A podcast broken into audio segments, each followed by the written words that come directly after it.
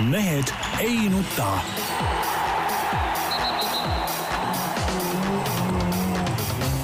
mehed ei nuta. selle eest, et mehed ei nutaks, kannab hoolt Unibet, mängijatelt mängijatele. tere teisipäeva. päev on küll õige, kellaaeg vale. me oleme siin veidikene varem kui kell üksteist. Mitte Kuku raadio, aga Delfi suurepärases stuudios kohale tulnud Tarmo Paju Delfist. tervist! istub minu vastas, mina olen Delfist, Eesti Päevalehest ja igalt poolt Jaan Martinson ja Peep on meil parasjagu Londonis. temal on vara-vara-vara hommik. Peep, kuidas üles said või oled duši all veel või? ei, duši all on käidud, tere hommikust kõigepealt, duši all on käidud ja, ja mis ta enam nii vara hommik on, kui kell näitab seitse üksteist, siis see on ju tegelikult kodus täiesti tavaline tõusmisaeg, midagi, midagi hullu siin nüüd ei ole. et oled seal MM-il, et räägi, kuidas see London seal on ja kuidas need õllehinnad on ja, ja mis seal üldse toimub sul? ütleme no, staadioni ümber. London on nagu, nagu sa mäletad, me olime siin koos, mis sest on nüüd möödas siis viis aastat olümpiamängudel. staadioni ümbrus on suhteliselt tundmatuseni muutunud. olümpiaparki on, on raske ära tunda ja, ja neid osasid ehitisi seal enam pole, mis olümpia ajal olid ja, ja kõvad ehitustööd käivad, maju on on sinna kerkinud meeletus koguses, aga, aga see suur, suur kaubakeskus ja, ja need asjad eh, on, on seal kõik, kõik alles ja, ja õllehinnad, noh, mis nad siin on? üks õhtu sai siin fotograafiga käidud ka siin hotelli kõrval ühes pubis natuke õlut mekkimas ja, ja sihuke viie, viie-kuue naela ümber oli, oli klaas pagan ikka päris karm, mina mäletan viimati, kui ma käisin, oli niimoodi kolme naela kanti, aga. ei no kolmega, kolmega siin nagu suurt, suurt kala enam ei püüa, jah. nii et meil on, meil on minna, meil on minna järelikult veel Eestis pikk maa. ja, aga noh, ütleme poes, poes on muidugi odavam, aga see oli, see oli siuke pubi, pubi hind. no kas äh, poliitikast ka on meil midagi rääkida, tegelikult ega väga vist ei, ei ole, et no Edgar tuleb nimekirjaga välja koos Olga Ivanovaga no,. see on, see on nagu põhisündmus ikkagi. ei no mis seal, normaalne täiesti. no minu arust ka, et las tuleb noh, miks ka mitte noh. ei no selles mõttes on äh, nagu sportlikus mõttes on kindlasti ju väga äge, et äh, mõtle, kui igavad on valimised olnud viimasel ajal. no okei okay,, viimastel juba tekkisid paar uut jõudu Riigikogu valimistel, aga üldjoontes ikkagi samad tegijad kogu aeg, aga nüüd on meil äh, olukord, kus võib olla olukord, kus Tallinnas valimised on ära ja meil on lisaks nendele, ütleme, tavalistele tegijatele on äkitselt volikokku tulnud mingisugune Savisaare nimekiri, siis mingisugune Sõõrumaa nimekiri ja siis kuidagimoodi selles supis peavad tüübid hakkama kokkulepet tegema. Tarmo, aga ütle, kas see ei või olla eh, paras korralik kokkumäng, et Savisaar läheb oma nimekirjaga ja korjab oma hääled ära, Vene valijate hääled, saab täielikult portsu. nii, Keskerakond eh, võtab Eesti valijate hääled ära, kuna Savisaart enam ei ole, inimesed tulevad selle poolt hääletama ja siis, kui on valimised läbi, siis panevad kenasti need kaks, kaks nimekirja jälle kokku ja on jälle volikogus äh, suur enamus seda on kahtlustatud ja sellest on kirjutatud ka. mulle miskipärast tundub, et see ei ole tõenäoline variant, et Savisaar on ikka rohkem sellisel, kuidas öelda, kättemaksurežiimil siin, et sedasama äh, nii-öelda mõlemate häälte korjamist saaks ju väga edukalt koos ka ikkagi teha ju, ilma selle suure trallita. ei no koos nii palju ei tuleks võib-olla, siin ongi see, et teatud asjad on ju, ju välistatud, eks ole, teatud eestlaste hääled, kui, kui Savisaar on sees, noh, et, et see, see, see ongi see, see, see nipi võte minu arvates. no ei tea, samas nad äh, nagu nii-öelda poliittehniliselt ju kogu aeg äh, mängivad seda mängu, et äh, need, kes kõnetavad vene hääli ja tahavad vene hääli seal Keskerakonna sees, kaklevad ju äh, teiste keskerakondlastega, kes jahivad siis neid nagu puhtaid Eesti hääli, noh, seesama Karilaid ja Toom omavahel kaklevad äh, just nimelt selle eesmärgiga, et sedasama oleks saanud ju täpselt samamoodi edasi teha. nojah, aga, aga varsti on kõik asjad selged, aga, aga jah, ega muud ei, no, siin põnevat ei ole. peaasi, et action'it on. ja peaasi, et action'it on. nii, kas äh, räägime siis nüüd edasi spordist ja räägime alustuseks kergejõustiku äh, MM-ist ja siin, siin on rääkida ilmselt palju, ma ei tea, kuskohast Peep äh, pihta hakkame, kas äh, hakkame äkki meeste kettaheitest pihta, kus äh, läks nii nagu läks, et Gerd Kanter paraku seekord ei saanud ei medalit, ei finaali. kaheksa hulka, piirdus kaheteistkümnenda kohaga. Kupper oli nagu sel aastal kogu aeg on olnud, aga samas jälle medalikolmik oli ikka täiesti, no ma, ma ei, ma ei ütleks võib-olla, et üllatav, aga uus. no kindlasti oli medalikolmik sellises koosseisus ka ikkagi üllatav ja, ja mis, mis oli kõige üllatavam, oli see, et noored mehed, kes siis nagu sinna esikolmikusse tulid, ikka paugutasid ikka väga võimsat, võimsaid tulemusi ja, ja kohe võistlust alustati ju, ju metsikute heidetega ja, ja sellega löödi nii-öelda vanadel meestel, kes on harjunud siin kuuekümne viie, kuuekümne kuuega seal medalimängus olema, löödi ikkagi jalad kohe alt ära, et see oli selge, et, et siin ei, ei Kanter ega, ega Harding kindlasti nii kaugele kui, kui noored mehed seal alguses kohe heitsid, tänavu pole võimelised heitma ja, ja noh, Malahovski ka ja, ja nii see, nii see tulebki rääkida. et eh, põlvkonnad on vahetunud, midagi pole teha. ja see tundub vist olevat üsna lõplik ka ikkagi, et või, või, või ma ei tea, näed sa seal kohapeal, et Malahovskid ja Hartingud veel kuidagi hellitavad mingit lootust, et seitsekümmend meetrit on nendel ka kuskil käe sees? ei, kindlasti nad seda lootust ei hellita, kõik, kogu see trio on ikkagi karjääri loojangul, noh, Gerd Kanter on öelnud, et Berliini EM järgmine suvel jääb talle igal juhul nagu viimaseks ja, ja rääkis seal sellest, et eh, hea õnnestumise korral võiks esikaheksas olla või noh, ütleme esikaheksa koha peal äh, heita äh,. sama asi Robert Hartinguga, kel põlved ja jalad on, on ikkagi nii läbi, et, et väidetavalt ta kõiki asju enam täpselt treeningute teha ei saa, mis, mis vaja ja, ja seega mingeid tipptulemusi sealt ka oodata ei ole ja Malahovski olevat ka üsna, üsna sära nagu kaotamas ka treeningutes ära, olevat seda ka kettameeste seltskond ise tunnistanud, nii et äh, niisugust äh, motivatsiooni enam, enam vist mehel ka nii palju ei ole ja, ja, ja noh, ja nii see on, noh, et, et seda peabki vaatama, noh, eriti Gerd Kanter, kolmekümne kaheksa aastane, noh, mis sa ikka teed enam. ja no huvitav, et Malahovski ja Hartingu puhul äh, okei okay,, nad on Kanterist hetkel mõned meetrid eespool, aga, aga on see krõks kuidagi varem käimas isegi kui Gerd Kanteril. eks tervis mängib muidugi palju rolli, eriti Hartingu puhul ja noh. Hardi puhul kindlasti tervis mängib rolli, aga kindlasti ta üritab Berliinis eh, nii-öelda oma kodus eh, lahkumisetendust andes no midagi veel välja, välja võluda, aga noh, see ikkagi, ikkagi natuke sõltub sellest ka, kui head need noored mehed on. muidugi noored mehed ei ole nii stabiilsed, see näitab ju ka see, kuidas eelmisel olümpial eh, säranud vennad ju, ju see aasta on, täitsa mängust väljas olnud, et, et ega ei saa ju kindel olla, et, et see aasta või järgmine aasta, kui Kutšev ja ja, ja, ja, ja staarid heidavad jälle nii kaugele kui tänavu. Vot Peep, ma tahtsingi küsida, et ütle, kas äh, sul on nagu äh, silme ees mõnda meest, kes võiks äh, hakata kettaheidet valitsema täpselt nii, nagu seda tegi Kanter, Harting, Alekna enne seda, Malachovski ka kindlasti, et, et kes hakkabki nüüd medali, medali järel võtma nagu Kanteril üksteist autasu kaelas ja, ja on see Stahl või on see äh, leedulane või, või no ma ei, ma ei julgeks küll niimoodi nagu öelda praegu, et niisuguseid kindlaid vendi on, et, et kes nad ikkagi on eba, ebastabiilsed esialgu. noh, nii nagu ma ütlesingi, et noh, need olümpial säranud vennad ju, ju see aasta ei olnud üldse nagu mingis mängus ja, ja, ja, ja, ja keegi ei tea ju, mis, mis, mis need staalid ja, ja, ja kutsused nagu tegelikult on, et kutsused on küll nagu liikunud niimoodi väikeste sammude haaval ülespoole ja, ja stabiilselt teinud ja olnud, aga, aga noh, kas ta, temas on seda materjali, et olla päris alavalitseja, noh, raske ütelda, et pigem, pigem tema kuldmedal oli ikkagi sihuke üllatuste, üllatuste valdkonnas noh, ega meil ju ühte valitsejat otseselt ei olegi vaja, et meil sobib veel paremini, kui on kaks venda näiteks, kes kusagil seal kuuekümne üheksa, seitsmekümne peal kogu aeg äh, nagu suuri medaleid jagavad omavahel ja vägevaid duelli peavad, nii nagu praegu no seda kindlasti, aga teisalt noh, kui oma mehi seal mängus ei ole, siis noh, keda see ikka huvitab? no oma mehe lootus ilmselt, no midagi ei ole parata, jääb ikkagi Martin Kupperi peale, kui, kui tervised ja asjad korda saaksid ja, ja,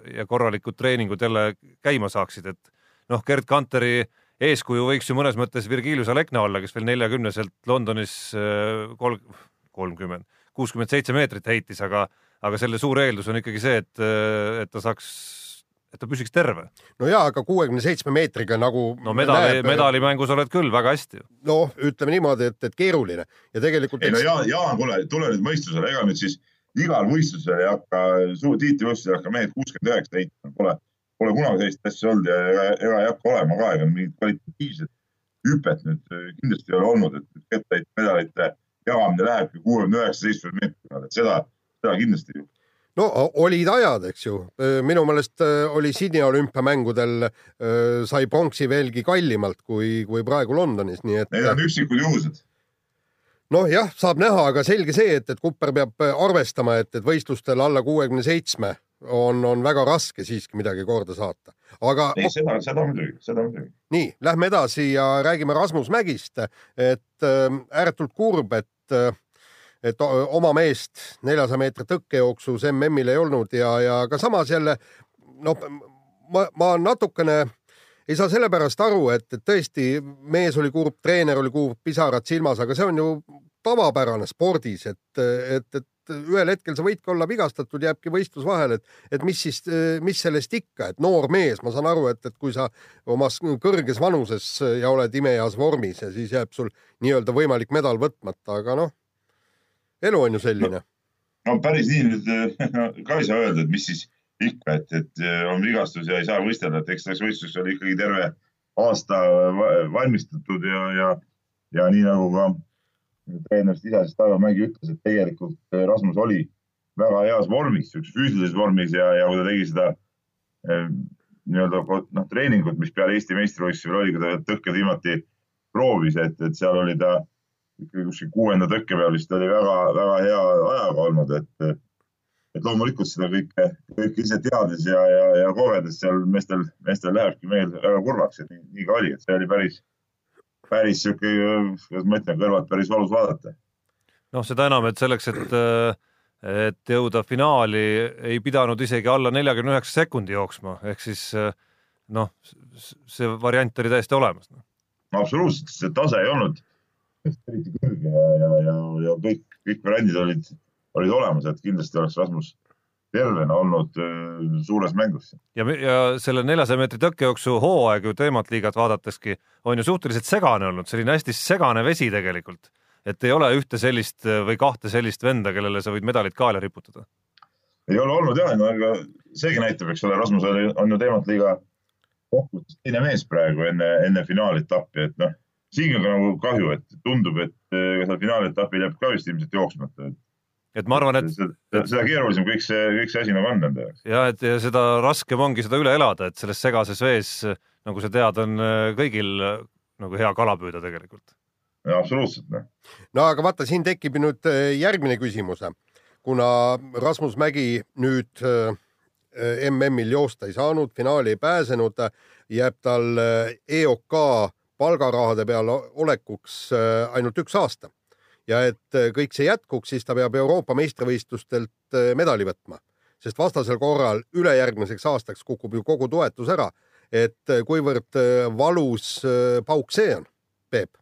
no kindlasti see on valus pauk, sa tead ise väga hästi, kuidas sportlaste rahadega on, et, et kui toetus ära kukub, siis, siis on asi, asi väga hapu, aga noh, Rasmus on Euroopa meistrivõistlusel medali saanud, nii et miski ei ütle, et ta ei või seda saavutust ju korrata järgmine aasta Berliinis ja kusjuures see rahasumma on ju tegelikult äh, päris kopsakas, paneme nüüd kõik need ettevalmistustoetused, palk, treenerite palgad, kõik see kokku, et, et see on ikkagi ikka väga-väga tõsine miinus, kui, äh, kui see ära kukub.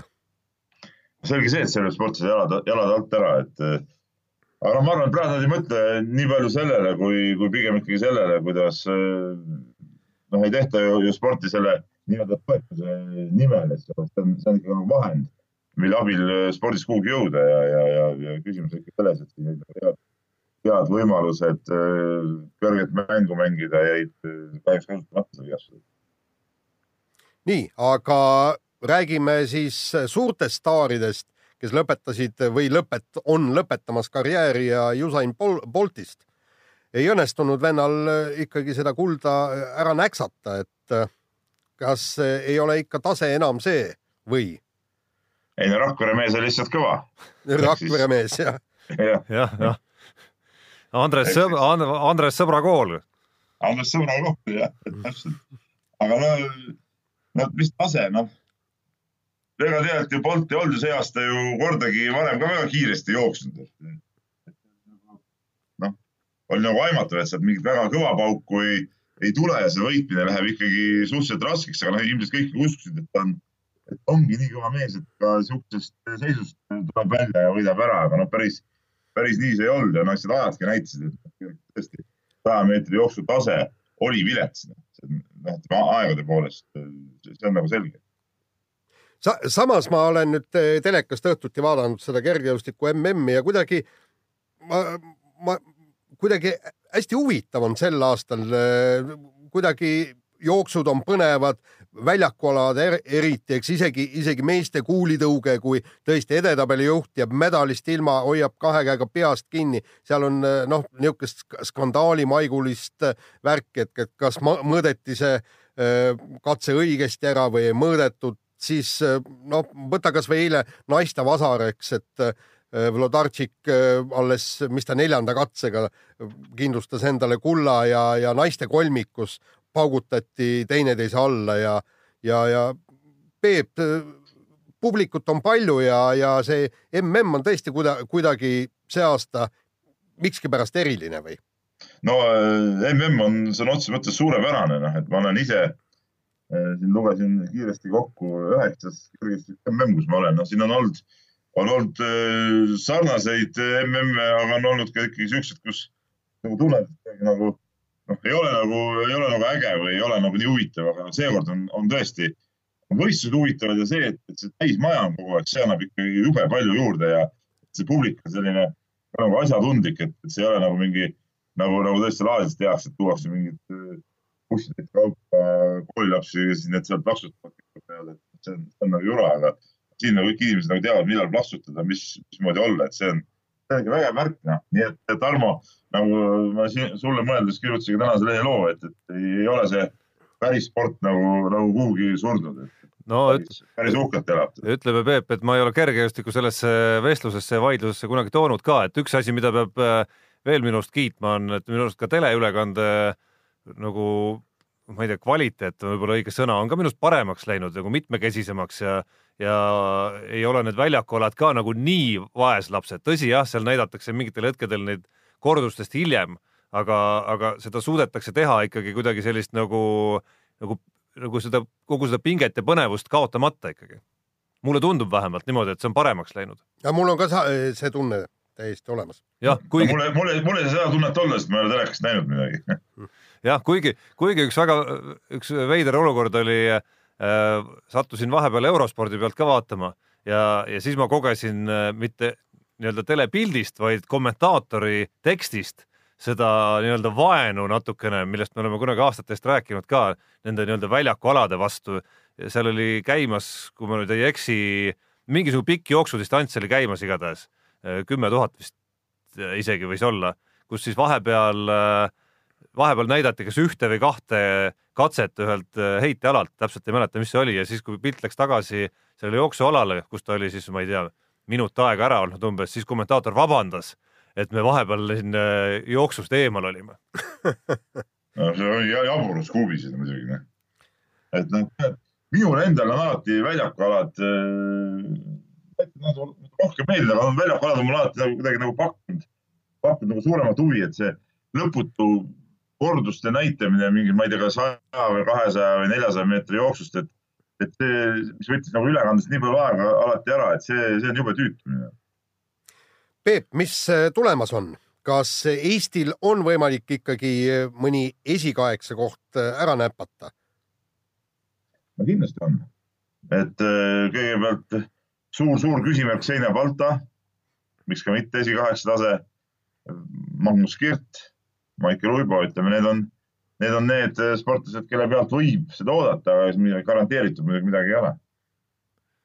noh, täna hommikul just, just tööle sõites mõtlesin, et lõpuks kisub ikka väga sinnapoole nagu, nagu selline nagu loogika oleks võinud öelda ka enne, enne seda võistlust, okei okay,, Rasmus Mägi terviseprobleemid olid nüüd natuke selline viimane hetk ootamatus pisut ikkagi, aga ülejäänute osas ikkagi ka matemaatiliselt kõige paremad šansid olla kõige kõrgemal on äh, Magnus Kirdil juba sellepärast, et ta on sellel hooajal teatavat taset suutnud stabiilselt näidata, erinevalt teistest, kes on olnud vigastuste küüsis. no jaa, aga temal te,, tema nii-öelda MM-ide rekord ei ole ju eriline, ta ei ole vist kunagi edasi saanud niimoodi, et, et sealt võib see nii-öelda närvid, närvid mängu sekkuda. no ta ei ole tiitlivõistlustel jah edasi saanud, et, äh, et eks, eks see on probleem ja, ja muidugi. See on probleem selle hetkeni, kui ta ükskord saab edasi. ja ei muidugi, aga ma ütlen ka see matemaatiline tõenäosus nüüd väga palju võib-olla ka ei maksa ikkagi, siin on ikkagi jah, see inimfaktor tuleb nii palju mängu selles, sellel tiitlivõistlusel, et, päris selle järgi vaadata, et jah, ta on mingi teatud stabiilsel tasemel, aga, aga, aga üks asi on visata oda väiksematel võistlustel seal kaheksakümmend kuni kaheksakümmend kolm teine asi on seda visata siin tiitlivõistlusel, peale selle edasisaamiseks, vaadates oda viska selle aasta mingit meelesut taset, siis noh, siin kaheksakümmend kaks, kaheksakümmend kolm meetrit tuleb kindlasti vist ära visata ka.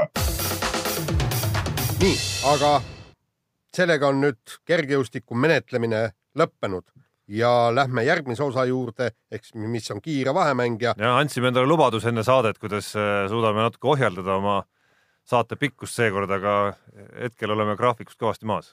nii. no nii mehed, tõstame tempot siis. tõstame tempot, jah, räägime korvpallist ja, ja noh, korvpallipeded, rääkige, mis toimub, et äh, Eesti U kaheksateist korvpallineiud viskasid Poola vastu, Poola vastu äh, EM B-divisjoni või mis iganes turniirile äh, veerandaegade kaupa neli, neli ja ühe punkti ja viimasel veerandajal siis läks natukene paremini, kuusteist punkti, et te tegelikult see, see ei ole üldse naljakas ja kas meil naiste korvpalliga üleüldse tegeletakse või ei tegeleta? No eks see, see jutt käib tüdrukute korvpallist siis, mitte naiste korvpallist. selge see, et see tüdrukute korvpalli tase, noh, ei ole Eestis nagu mingi, mingi hüper, hüpertase, võistkondi on vähe, mängijaid on vähe, valik on, on väga kitsas ja, ja selles suhtes noh, midagi imestada pole, noh, see ongi, ongi selline seis. Noh. et, et, et ütleme, kui poiste korvpallis on siin natuke võib-olla juba mõned aastad niisugune süsteem läinud paremaks ja, ja treeningud tehakse rohkem tööd ja võib-olla kõik on, on nagu kuidagi nagu kaasaegsem, siis, siis tüdrukute asi alles hakkab muutuma ja, ja seal sellest, noh nüüd eelmine, eelmine, kuidas ma ütlen, eelmisest hooajast on see Marko Parkonen Audenteses tööl ja, ja, ja võib-olla teeb seal mingeid asju uutmoodi ja uue nägemuse järgi, et noh, võib-olla midagi hakkab sealt tulema, aga seal on ikkagi aega vaja, et midagi üle ei juhtu. Selles suhtes mind äh, üks mõte, kuhu veel selle mängu tulemuse vaatamine mind viis, oli see, et, et natukene no ikka natukene kahju on sellest, et, et, et ühest küljest üks silmnähtavalt mitte kõige parem aastakäik võib-olla neidude seas on läinud Euroopa meistrivõistlustele, aga samal ajal näiteks U kakskümmend noormeeste satsi me ikkagi välja ei pane, ma tean, et on see universiaadi koondis, aga, aga ikkagi neid U kakskümmend poisse on küll ja küll, kes võiksid mängida ja, ja ütleme, ühte punkti nad veerandajale ei viskaks siiski seal sellel tasemel. no ja kui me nüüd need tüdrukud jätame sellest EM-ist ka ilma, siis no siis ei tahaks üldse midagi tulla, noh, et, et nad peavad ikkagi saama ka mängida ja ma nagu selle, selle vastu ei ole, et nad seal mängivad. no ütleme. las nad nüüd olla seal, noh. ei, las nemad olla, aga, aga ikkagi see U kakskümmend vanuseklass võiks ka väljas olla, isegi siis, kui see universiaadi koondis meil on. ja ei võiks, aga teisalt jälle noh, meil on neid äh, mängijaid jälle nii palju, noh nüüd oligi ju eile ka uudis, äh, Mattias Tass äh, läheb veel universiaadile ka, no kas see on õige käik. noh, mul see on teine küsimus ka, et ma teadsin universaal nagu võistlused. ma ei tea, mis tassist ta käib kümnendas ta vist läheb kaheteistkümnendasse siiski. no jaa, aga kuidas aga, ta saab aga mängida? see, see küsimus tekkis ka minul, kui samas kui meenutada, siis Maik-Kalev Kotsar käis ka ju universiaadil, jäigi seal silma väga paljudele ülikoolidele eh, enne, kui ta ülikooli ise oli läinud veel või enne, kui ta oli üldsegi kokku leppinud kellegagi, et mis ülikooli ta läheb. ehk siis järelikult see süsteem kuidagi äh, nii-öelda toetab seda ikkagi, et gümnasistid no, võivad ka minna. no ilmselt siis küll jah, aga noh, aga ma mõtlen see, et, et noh, seesama Tassi seisukohalt tal on väga äh, raske suvi olnud. ja, ja, ja see, ütleme, eelmine tsükkel, mis nad tegid, oli, oli päris tihe, et üldse universaadile ka minna, noh. ma ei ole päris, äh, päris kindel, et see on õige samm. ja, ja, ja kui võtame nüüd korraks U kakskümmend koondis ka veel seal olnud, noh siis oleks pidanud ikkagi ikkagi mitmed U kaheksateist eh, poisid ilmselt saab ka kaasa mängima, noh, see oleks läinud ikkagi natuke liiale võib-olla. sest no. ega meil U kakskümmend vanuseklassi eh, meistrivõistlus Eestis näiteks ei ole mitu hooaega peetud, sellepärast et eh, ei ole, ei ole nagu võistkondi jagunud, et võib-olla nüüd siin järgmine, ülejärgmine aasta nagu hakkab neid jälle, jälle tekkima, et siin vahepealsed need aastakäigud olid ikkagi väga hõredad ja väga-väga kitsad. aga nüüd läheme hüppame jalgpalli peale ja suur skandaal on üleval koduses liigas. Vladimir Voskobojnikov tuleb ilmselt vangi panna, sest näitas keskmist sõrme Nõmme Kalju mängijatele, kes teda aina ühte sooja kohta saadavad. no see on minu meelest on täitsa, täitsa kummaline, et niisugustest asjadest üldse räägitakse. tähendab, fännid sõimavad pool mängu, mis ta nendest karjusid, et mine Hiinasse tagasi ja kõik nii, et see on täitsa okei okay. ja siis, kui näidatakse selja tagant vaikselt keskmist näppu ja siis sellest tehakse nagu suur, suur skandaal. no kas siis fännid äkki olid solvunud või? hakkasid pisaraid valama, vaata, kuidas nüüd Vosko Poinikov meile siin keskmist sõrmekest no, näitas. teisest küljest, mis see Vosko Poinikov nüüd laseb ennast üldse morjendada mingitest Kalju fännidest, kes midagi karjuvad talle? ei no aga, aga miks mitte neile no, keskmist sõrme mis näidata? see keskmise sõrme näitamine on siis? no, no okei okay,, sellepärast ta näitab. sa saad vihaseks kellegi peale või ärritud, hakkad ka keskmist sõrme näitama. ei no mis keskmist sõrme, noh, ta, ta ei saanud no,. vaja on siis, vaja on siis näitajad ka ära, mis seal ikka on noh, sest me teame, Peep, sina ütled väga otseselt välja, söö seda samust ja sure, on ju, eks. et äh, aga. aga no, isegi sina ei näita keskmist sõrme, nojaa, aga no. sul on mingid, äh, mingid nagu. no sa vaata, seal ikkagi mänguemotsioonid olid, olid mehel ilmselt üleval ja ma olen väga hukka mõista, et see kõik, mis, kõik, mis tehakse mängu sees ja mängu ajal, noh, see ei ole nagu see teema, mida peaks väga, väga nagu hukka mõistma või, või noh, see kõik on nagu ikka mänguemotsiooni pealt tehtud just, aga jääme äh, jalgpalli juurde ja Konstantin Vassiljev, kes nüüd äh, sõlmis äh, Klivitse Piastiga kolmeaastase lepingu, oskas juba teise penalti üle värava lüüa. et huvitav, kas ta nüüd järgmistes mängudes ka seda penaltit lööb ja kas ta kolme aasta jooksul mõne ka sisse saab? no tõenäosus, et ta kolmanda sisse lööb, on ikkagi päris suur ju.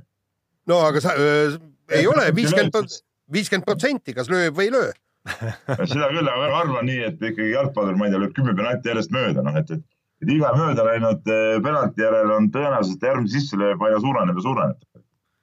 no tundub, et seal tuleb ikkagi mingi nõiavitsaga üle käia need, eh, need kohad seal, et, et selle uue klubi eh, ridades nüüd ka kuidagi see aura nagu paremaks saaks ikkagi. no ütleme nüüd niimoodi, et, et ikkagi kolm punkti on nende möök, möödalöökide tõttu meeskonnal käest ära libisenud ja ja huvitav, vaata jalgratturid äh, räägivad niimoodi, et, et kui jalgrattur sõlmib kaheaastase lepingu, siis esimene aasta ei tee ta eriti suurt midagi, ei viitsi sõita ega, ega miskit, noh, on teatud kodanikud olemas. huvitav, kas, kas seal jalgpallis ka, et ah, mul kolmeaastane leping olemas, mis ma ikka sinna taon sinna värava sisse, et.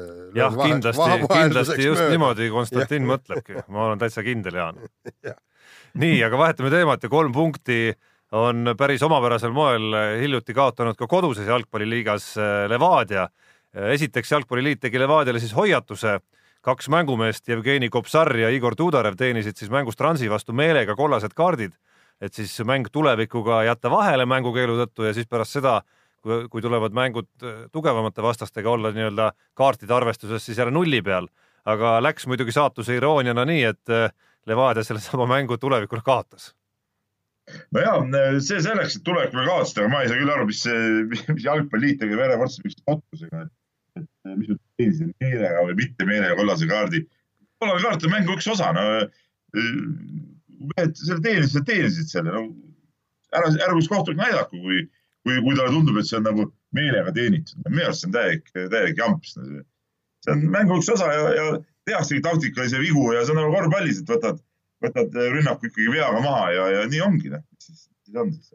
no samas oleks kohtunikud ka pidanud seda olukorda nägema teistmoodi. ma mäletan, kunagi oli pesapallis oli nii, et, et ühel, ühel mängijal profiliigas, et ühel mängijal oli vaja äh, poole pealt mängust ära minna, seal oli kas mingisuguse naise sünnipäev või midagi niimoodi ja siis ta hakkas ka käituma. profi tasemel. profi tasemel jah, ja, ja, ja ta öö, käitus seal nii halvasti, et ta oleks pidanud mängust eemale olema. kohtunik teadis seda, irvitas ja ütles ei, ma ei lase sul minna karistuseks. ei, ei, ei, ei löönud teda mängust minema ja, ja, ja nii see asi kõik lõppes, et seal oleks ka noh, kohtunikud teavad ja ei anna kollast kaarti.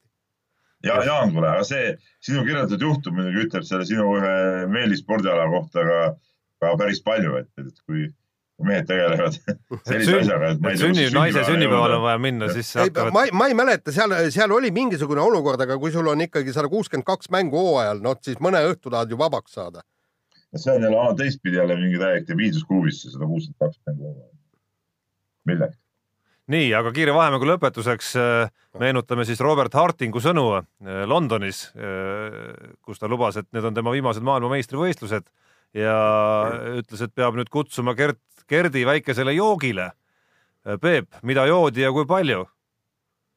teadupärast ühel oli mulliga vesi, teisel mullit. teisel, teisel mingi muu, mingi muu vesi. no Kanter igatahes oli järgmine päev äh, täies jõus ja, ja oli raja ääres meie maratonipoisse jootmas, nii et ega seal, seal mingit tõsist äh, värki ilmselt ei juhtunud ja teadupärast Kanter vist tõsiseid jooke ka ei tarbi. No Harting teadupärast ju tarbib küll. kas see oli? Londonis, kus ta ära kadus kuskile pärast Jah. pärast võitu või? kas ta mitte metroos kuskil ei maganud või mingi värk noh, ikka juhtub. no igatahes seekord ta meie meest seiklema ei viinud, nagu näha siis, kahjuks. no tundub küll, sest et igatahes jah, Gerd Kanter oli, vot see on tõeline spordimees, eks ole, sihuke legendaarne kuju, ei põlga ära nagu tööd, see ei ole mitte esimene kord, kui ta, kui ta maratoni raja ääres äh, omasid seal toetab just sellega, et seal joogipunktides noh, peavad omad ju inimesed abiks olema ja, ja, ja nii oli ka Gerd Kanter. no samas oleks, samas oleks väga efektne olnud siiski, kui Kanter oleks ka vahepeal kaotsi läinud koos Hartinguga kuskil Londoni metroos seigeldes, aga siis ikkagi viimasel hetkel välja ilmunud sinna joogipunkti. ja aga muide, järgmine aasta võib see kõik ju juhtuda Berliinis, kus on äh, nii-öelda öö, Hartingu kodumaa, et, et seal võib-olla läheb peoks alles. No võib-olla jah, kui mõlemad on seal nagu lõpulainel ka, et võib-olla, võib-olla Kanter ka avaneb siis nii-öelda sellest aspektist. nii, aga lähme järgmise saateosa juurde ja alustame suusatamisega ja. me siiski, siiski ennetan Aa, Jaan sinu õige, rutakust. ja sul on kirju ja. ja kirju on päris palju jah, et äh, saan jälle täita seda austavat ülesannet Peebu asemel kirjade rubriigis äh, pealik olla ühes saates ja alustame võib-olla kergejõustiku suunalt ehk siis äh, meie saate üks äh, püsijälgijaid ja, ja, ja tihti meile kirjutanud Mihkel on meile andnud väikese ülesande, on lisanud maailma kõigi aegade kiireimate saja meetri sprindi aegade edetabeli ja küsib mitmendalt kohalt leiame sportlase, kes ei ole mingil hetkel dopinguga vahele jäänud ja kelle nimi ei ole Usain Bolt. Öö, ma nägin seal kuskil mingisugune nimi, nimekiri liikus, aga õiget vastust ma ei tea, aga igal juhul ütleme niimoodi, et, et sealt oli, nimekirjast oli ikka terve ports maha kriipsutatud. ei no sealt läheb järjest, Usain Bolti järel läheb Tyson Gay, Johan Blake, Asafa Powell, Justin Gatlin, Nesta Carter, kõik, kes on, on ka päriselt vahele jäänud. ja siis on Maurice Green seitsmendal kohal, kes nagu ametlikult vahele jäänud ei ole, nii et sama puhas kui Bolt.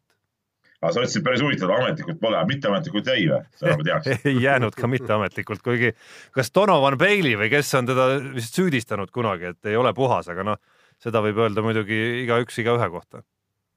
ja kindlasti ka Bolti kohta on seda öeldud ja arvatud või mõeldud vähemalt, kui mitte öeldud. no ütleme niimoodi, et, et Jamaica öö, sprintereid on, on vahele jäänud küll ja veel.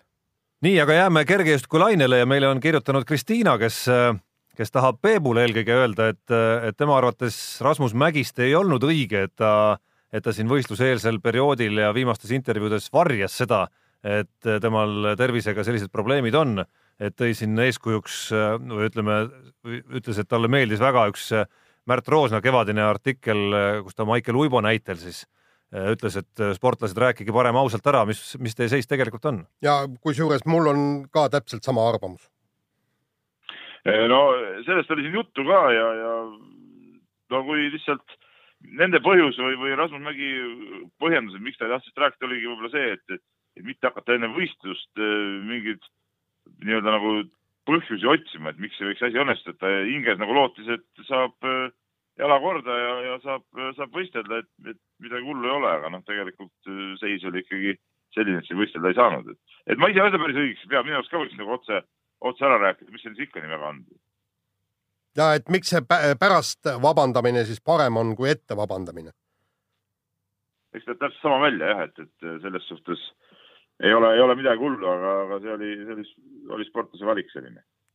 suhteliselt teadlik valik, ma sain aru. Äh, siis on meile kirjutanud Mikk, kes küsib, et kui palju hinnanguliselt läheb maksma ERR-i jaoks üks koduse jalgpalli meistriliiga otseülekanne ja spekuleerib ta, et kui ERR kannab viimased või vabandust, järgmised viis aastat üle, siis äh, kodust meistriliigat kolmkümmend kaks mängu aastas, et siis kas Aivar Pohlak tuntud ärimehena jääb tegelikult ikkagi jääb miinusesse oma nii-öelda sponsorlusega ERR-ile. rääg-, räägime siis sellest üheksasaja viiekümnest tuhandest, mis äh, jalgpalli, kumb see nüüd oli, EM või MM, EM, selle õiguste eest Jalgpalliliit andis ERR-ile. no ütleme, raske on hinnata kõrvalt, mismoodi ERR selle tootmise hinda täpselt arvestab, sellepärast et nad teevad seda ikkagi nagu oma vahenditega ja oma inimestega ka, et mismoodi nad täpselt seda nagu kulu välja arvestavad, aga ütleme noh, alla kahe tuhande viiesaja euro ikkagi naljalt ühte teleülekannet jalgpallis ei tee, nii et äh, üks kaheksakümmend tuhat per hooaeg nagu vähemalt võib arvestada, et sinna läheb, nii et äh, noh, päris plussi ei jää. Pohlak, ütleme siis nii. no andsid ammendava vastuse, et siin polegi midagi lisada.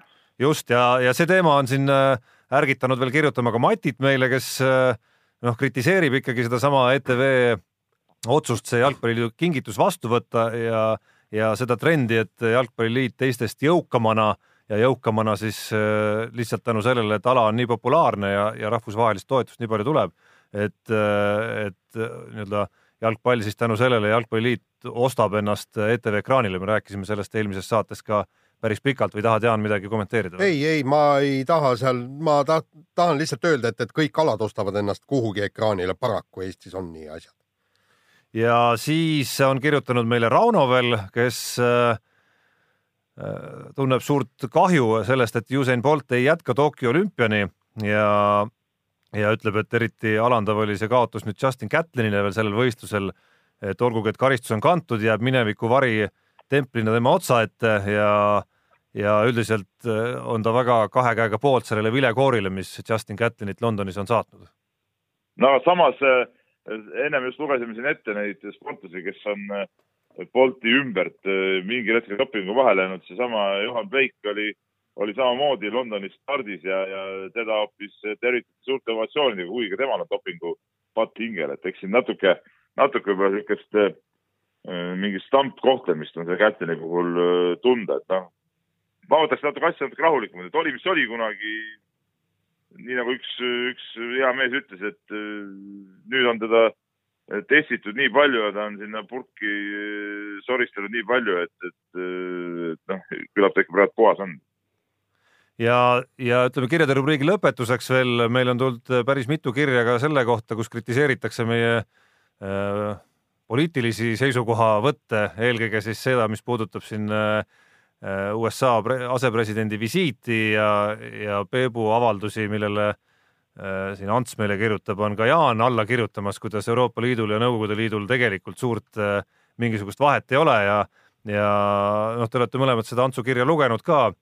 ma loen lihtsalt sellest viimase lause ette, et vastus sellele küsimusele, mis need vahet on, on väga lihtne. Euroopa Liit on parem, sest ta ei ole Nõukogude Liit. no ütleme niimoodi, et, et jah selles mõttes on kõik õigus, aga, aga et mingid käsud tulevad kuskilt Brüsselist, sealt tulevad reeglid, banaanikõverused, kõik, et see, see, see on jama. see on jama täpselt nagu enne tuli Moskvast. täpselt nii ongi ja, ja, ja, ja see ongi suur jama. Noh. ja aga noh. Selles suhtes ei olegi mingit vahet. Ja no olgem ausad, võrdusmärgi tõmbamine on siiski nagu päris noh, ütleme räige võrdlus siiski. ei no okei okay,, me, me, me Te olete mõlemad elanud sellel ajal? mõlemad oleme elanud jah, ja, ja ongi nii, et, et me ei olegi saanud iseseisvat elu nagu eriti kaua nautida, kogu aeg kuskilt eemalt äh, antakse meile käsk. kümmekond aastat sinna vahele jäi nagu. jah oh. see ei ole ju võrreldav, mehed, see vabadus, mis meil on praegu ei, ja no, see, mis oli nõukogude ajal, ärge jamage no.. ei, see, see, see on hoopis teine asi, muidugi vabadus, aga ikkagi ma ei saa aru, miks peavad kuskilt kaugelt äh, meile seadusi ja mingeid reegleid äh, ette määrama. nii, aga nelikümmend viis. kuule, Euronoor Paju, sul ei olnud mingit vastust sellele küsimusele praegu. ei, miks peavad banaanikõver, et no banaanikõver, ütleme, no ei pea jah, selliseid asju ei pea, olgu, aga ütleme sellest ennast nii häirida lasta, et võrrelda seda selle, selle no,, selle jutumärkides vabadusega, mis. kvoodid ja asjad täielik jama ju noh.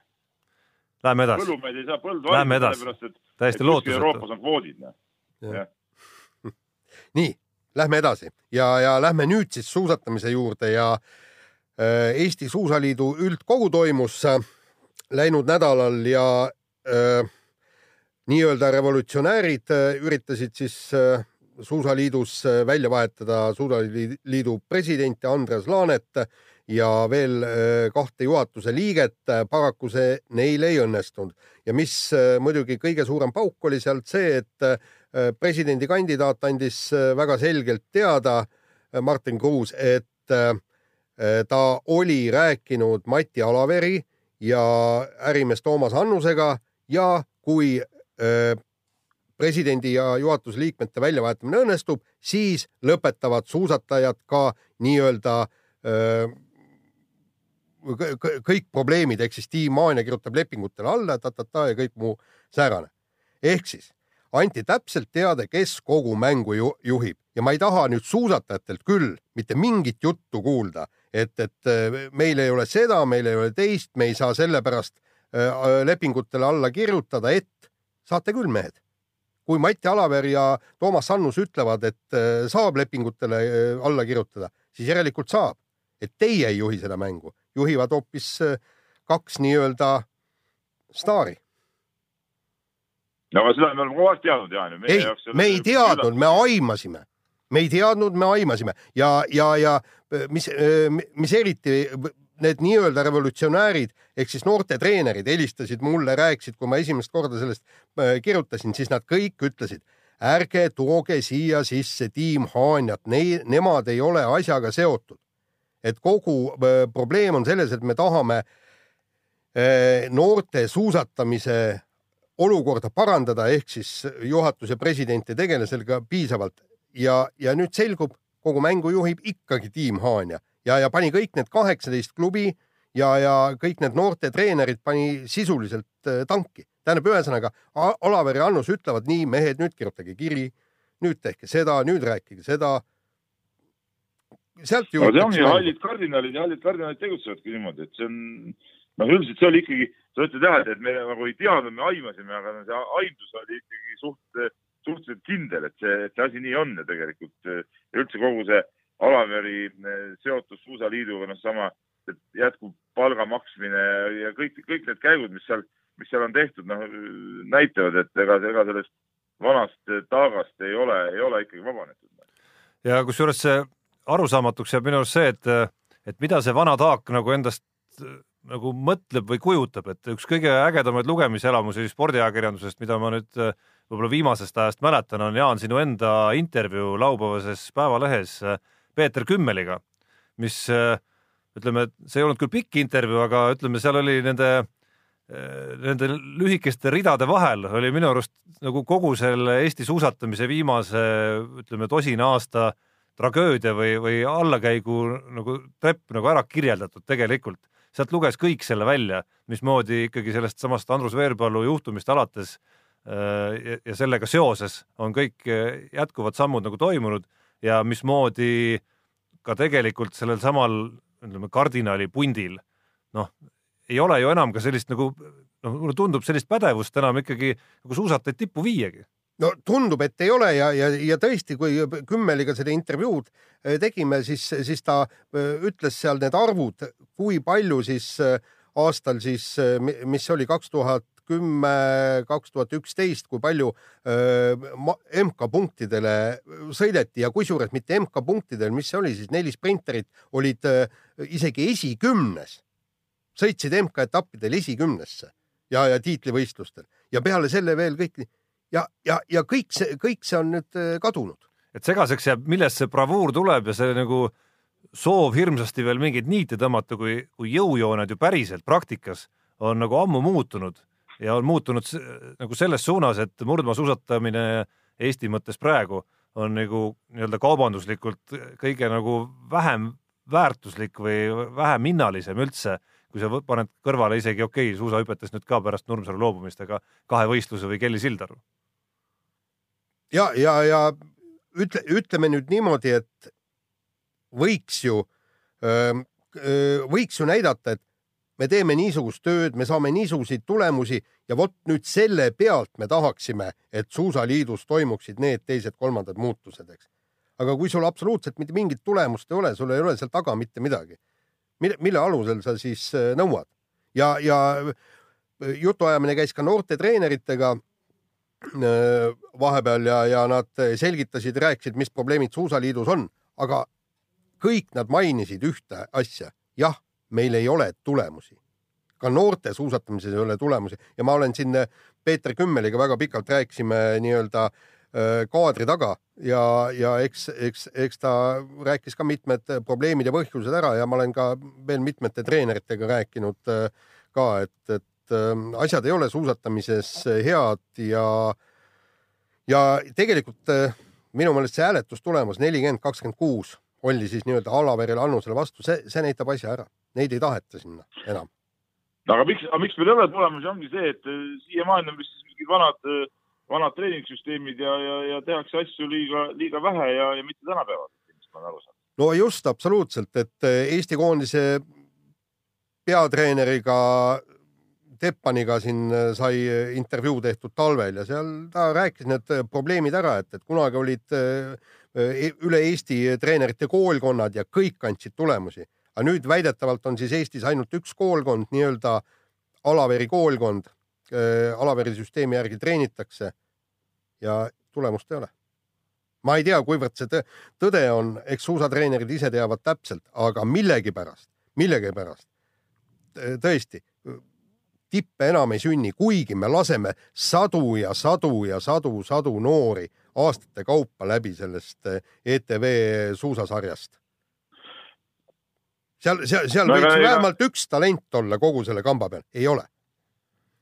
no ja kui me võtame, et ega nüüd enne seda hiigelaega, ega meil siis ka ju väga neid nii, nii tiputasemel eh, vendi ei olnud, et ega meil nüüd näiteks eh, liidu koondises murnusuusatamises ju, ju kaheksakümnendatel ka nagu päris koondises ju kedagi ei olnud, et seal, seal kuskil koondise ääre peal üks või teine sportlane käis, aga, aga niisugust tipp, päris tipptaset ei olnud meil ka siis tegelikult. ja, aga me räägime praegu, ükski distantsimees ei ole suutnud ennast sõita aastate kaupa, üle kolme aasta, kolmekümne sekka maailmas. mäletad, meil oli Kassin oli MK-etapil viies ja, ja seesama Teppan ja seesama Välbe, nad olid ikkagi, ütleme, maailma kolmekümne parema seas igal juhul kuigi nad liidukoondisse ei pääse. võideti ju liidu tšempionaadilt medaleidki, teatemedaleidki võideti. hõbe, teate hõbe jah. just nii, aga. Kadalamaa meeski oli seal pundis oli, oli, nüüd ta on Aruküla mees kusjuures.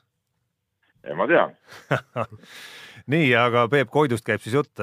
Äh, vahetame teemat, läheme nüüd äh, maailma areenile. Pariisi Saint-Germain ja Barcelona diil on tehtud, kakssada kakskümmend kaks miljonit eurot on vahetunud omanikku ja Neimar hakkab kohe varsti mängima Pariisi klubi eest. normaalne?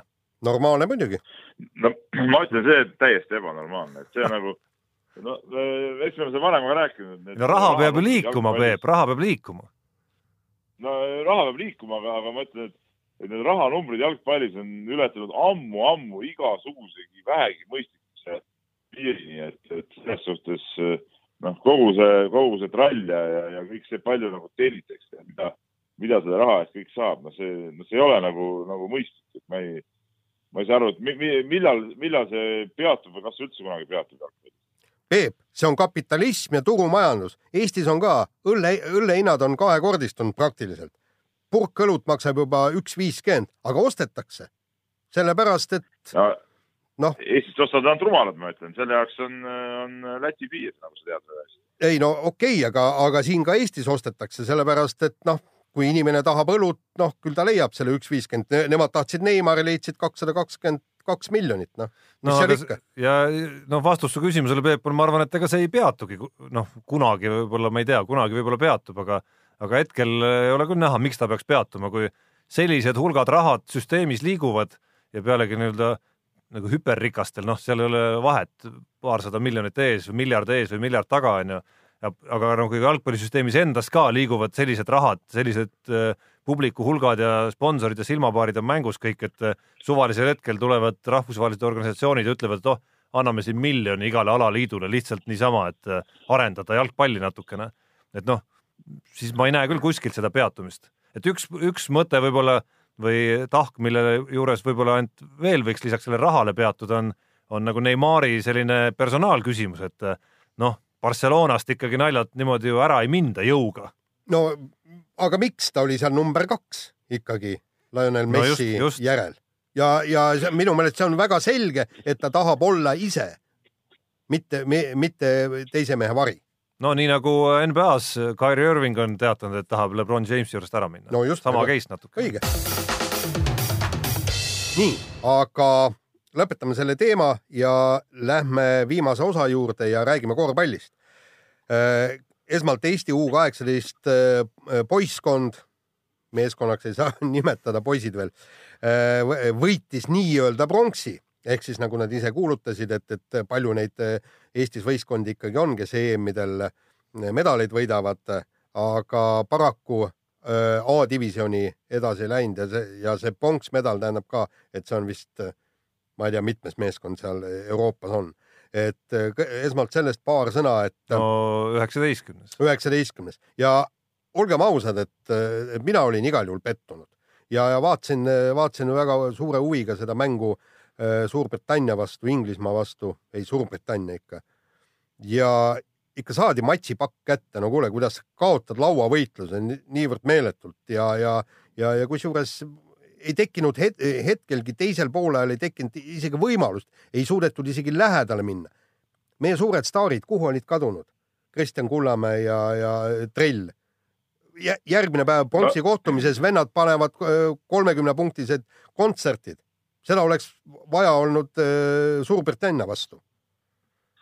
No eks see, eks see asi on niimoodi, esiteks see on ikkagi noortemeeste korvpall ja seda stabiilsust ei ole, ilmselt ikkagi põleti ka natuke läbi, sest et ma vaatasin siin Londonis olles ka arvuti vahendusel seda, seda mängu ja noh, tegelikult see Suurbritannia ju, ju mingid imed seal korda ei saatnud, jah, nad olid hästi kiired, hästi agressiivsed, aga, aga no seal tehti ka nii palju lollusi ja asju, et, et äh, oleks nüüd vähegi Eesti poisid mänginud seda nii-öelda nii-öelda oma mängu ja, ja omal tasemel ja, ja, ja, ja ilma, ilma läbipõlemiseta, siis, siis tegelikult äh, brittide võitmine oleks, oleks olnud jõukohane, aga, aga, aga no ilmselt mõned mehed äh, ikkagi põlesid läbi, ma arvan.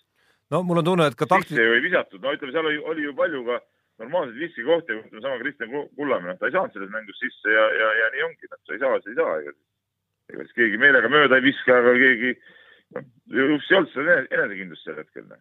et mul on tunne, et ka taktikaliselt võib-olla ei olnud see konkreetne üks mäng nüüd kõige õnnestunumalt äh, ära mängitud, et, et Eesti selline agressiivne mäng, mida nad ise on harjunud mängima, nagu soodustas pigem ka seda, et britid saaks meid nagu teistpidi üle joosta ja seda on vist treenerid natukene tagantjärele mõtisklenud ka sel teemal, et nii see läks jah, noh, et võidetud pronksist ma arvan, et keegi neist ei mõtle turniiri lõppedes praegu sellisel moel, et oh jess, et me võitsime medali, et loomulikult äh, on see meeskond no ma arvan, sisimas ikkagi pettunud nii mängijad kui ka, kui ka treenerid, et see põhieesmärk jäi täitmata, okei okay,, seal on igasugune nüansid sees veel, kuidas äh, ikkagi läks nii, et kahe või kolme võistkonna asemel kaks tükki tõusid ülespoole. algse nii-öelda skeemi järgi ju pidanuks kolmas ka saama, aga kuna Läti, kellele on antud järgmise aasta A-divisjoni turniiri korraldamise õigus, jäi omakorda kolme viimase hulka A-divisjonis, siis jäi see nagu ära, onju. mis on ka sihuke nagu noh, veidrus ikkagi nagu no see on nagu fiba totrused nagu. jah, et noh, miks ei võiks oodata selle korraldusõiguse jagamisega selle hetkeni, kui on täpselt selgunud, kes siis nendes äh, vastavates divisjonides mängivad näiteks. või miks ei võiks hoopis ülevalt poolt siis teha selle, et äh, okei okay,, siis kukub see kaheteistkümnes sealt hoopis ära näiteks. Või vabandust, kolme, kolmeteist, kolmeteist. sama ebaõiglane tegelikult. no no ongi nagu veider tegelikult, aga okei okay,, see selleks, et äh, noh, suures pildis on samas ikkagi olulisem see minu arust noortekoondiste puhul, et äh, et see koondis sellel turniiril ja need mängijad sellel turniiril üldjoontes tõestasid ikkagi, et tegemist on väga hea põlvkonnaga, isegi kui on puudu äh, kaks selle vanuseklassi ikkagi absoluutselt tippu, Sander Raieste ja, ja esimeses või kohe turniiri algul vigastada saanud Kaspar Treier, siis isegi, isegi ilma nendeta suudeti minu arust näidata, et selles põlvkonnas on ikkagi rohkem sisu selles kahes aastakäigus kui ma ei tea, siin mõne viie aasta käigu peale kokku. mul tekkis siin äh, seda mängu vaadates äh, üks mõte, sisu ja kujusid, aga et, et mitte hüpata nüüd kuskile eufooriasse, mida siin turniiri ajal ka võib-olla kohati oli päris palju, siis äh, kõigil neil on nagu otsustavad sammud äh, nagu läbilöögiks alles ees.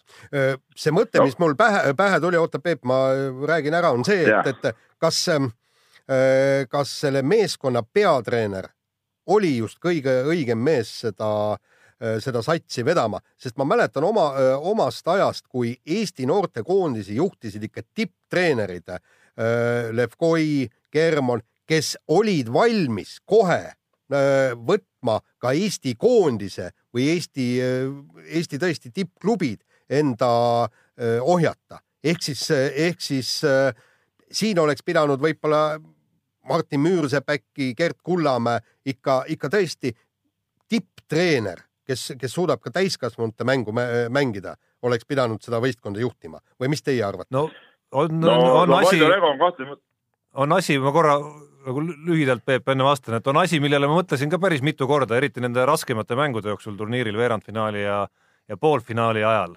ja noh, ega seal pingilgi oli ju tegelikult noh, ütleme tunnustatud meestetreener Eesti mõistes Gerd Kullamäe ju oli olemas seal tegelikult. et mulle natukene tundus, et peatreener, ma ei tea, mingitel rasketel hetkedel minu arust natukene venitas võib-olla sekkumisega ja, ja, ja üldse see on nüüd treeneri stiili küsimus, aga, aga ütleme, ta oli selline istuv treener seal, selline õpetaja tüüpi treener, et äh, ma isiklikult kuidagi, võib-olla see on maitse küsimus, aga mulle meeldib näha nagu elavamaid mehi seal meeskonda juhtimas, ma usun, et see toodab paremini tulemust. no, no see ongi Vaido, Vaido Rego stiil ongi, ongi olla sihuke äh, istuv treener, aga mis ma tean, tahan öelda, on see, et et äh, tegelikult on ikkagi noortega teinud äh, läbi aastate väga-väga-väga head tööd ja, ja tema oli ka sama mees, kes U kuusteist koondise sama, samade kuttidega viis ju selle äh, B-divisjoni võiduni. et, et selles suhtes noh, see on nagu kahe otsaga asi, et, et mõnes mõttes oli nagu õige, et talle anti ikkagi võimalus nende samade poistega minna, minna lõpuni ehk siis see U kaheksateist ka ära teha. et, et selles suhtes on nagu raske, raske etteheiteid teha, et, et jah, jah, loomulikult võib-olla meestetreener sellel tasemel, noh, kes on harjunud nagu meestega töötama, see stiil on ikkagi natuke teine, mehed ja, ja noored oleks, oleks võib-olla olnud parem variant, aga, aga, aga oli nagu oli, aga mis ma tahtsin ennem juba öelda selle, kogu selle asja kohta, ma jälgisin päris palju seda, seda noorte äh, turniiri nagu kõrvalt ja neid kajastusi ja asju, ma nagu ise äh,, olles ka siin noorte korvpalliga seotud, ei tahtnud nagu väga sekkuda nendesse kirjutistesse ka, aga, aga mul jäi ka korduvalt see mulje, et, et niisugune asiotaaž äh, ja, ja võib-olla ka, võib-olla ka natuke liiga ülekiitmine nagu oli, oli see, mis, äh, mis natuke hakkas häirima, et, et noh, jäigi selline mulje, et meil ongi seal terve võistkond äh, sisuliselt maailmameistrid või, või NBA mängijad juba, juba koos, et, et noh, päris nii lihtsad need, need asjad ikkagi ei ole, et, et see siin mõnedes olukordades ikkagi toodi, toodi poisid maa peale tagasi ja, ja, ja see ongi, ongi väga hea. Ja ma loodan, et poisid ise väga palju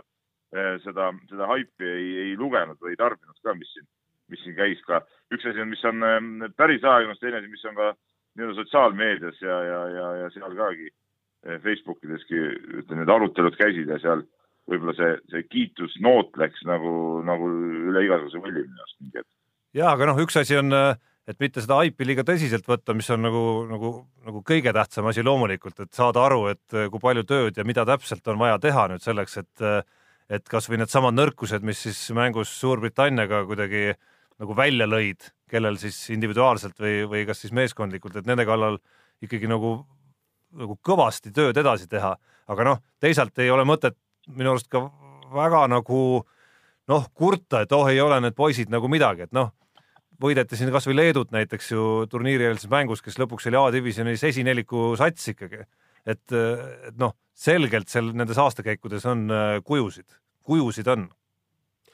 ei, kujusid on kindlasti jah nii, aga lõpetuseks üks minut on teil aega rääkida ka Eesti äh, täiskasvanute koondisest, kes äh, mm valiksarja alustas äh, napi, kuid kena võiduga. no ütleme, et äh, kui poleks olnud Rain Veidemanni, siis ma ei tea, mis saanud oleks. et praegu boonusena tuli see võit võõrsil kohe nagu ära, et äh, siin tasub muidugi ses suhtes ettevaatlik olla, et meil kunagi on kogemus olemas, kui alustasime võõrsil Portugali vastu võiduga ja lõpuks äh, päädis see kõik A-divisjonist väljakukkumisega ikkagi, et äh, mingit garantiid ei ole, aga, aga noh, ma ei tea, minu arust oli see küll nagu ühe mehe võit. no, noh, nii ei saa päris öelda, aga, aga ilma Rain Veidemannita Eesti ei oleks võitnud seda mängu. no ma kahjuks seda mängu ei saanud vaadata, samal ajal olid staadionil päris eh, tihedad sündmused, et ma no, väga jupiti ja, ja niimoodi korraks ja mul pole aega olnud seda mängu järgi vaadata, mul on siin nagu raske midagi lisada, ma olin vaadanud ainult statistilisse nii-öelda protokolli, et, et äh, tundus, et ikkagi kui nagu päris mänguks läks, siis äh,, siis see vanem generatsioon ikkagi vedas kokkuvõttes rohkem välja kui, kui nooremad mehed, vist oli, oli vist nii või? noh, palju meil seda nooremat generatsiooni seal koondises on muidugi üldse? no nii-öelda noorem, no seal need, kes siin äh, kontrollmängudes võib-olla isegi ka päris hästi silma paistsid, mõtleme samad puidetid ja, ja, ja, ja, ja vennad, et. no Martin Paasoja tegelikult, tema kaks kolmest olid päris kõva boonus tegelikult meeskonnale ühel hetkel seal mängus mm. -hmm. aga no ma ütlen ka, et, et ega siin ei maksa veel selles suhtes äh, öelda, et nüüd on asi tehtud, et, et äh, ikkagi tuleb, tuleb kodus kõvasti mängida, ega see selge see, et Makedoonia, noh, on nad madalseisus või ei ole, et et eh, teatud kvaliteet on seal meeskonnas ikkagi olemas. jah, noh, nii kehvasti nad ilmselt kolmeseid ka ei viska järgmine kord enam nagu, nagu tolles kohtumises ja vabaviskeid ilmselt ka, et, et need aitasid päris kõvasti kaasa ja ja üks, mis nagu hirmsasti häiris meie poole pealt, oli see, mismoodi esimesel veerandajal lasti kakskümmend üheksa punkti endale visata, et et äh, ei ole meil endal seda rünnakuvõimsust nüüd nii palju, et, et me saaksime nagu sellistesse, sellisesse skaalasse seda skoori mängus üldse lasta nii, aga aitab jutust küll. sellega loeme saate lõppenuks ja kuulake meid täpselt nädala pärast. vahepeal nautige kergejõustikut ja korvpalli. mehed ei nuta.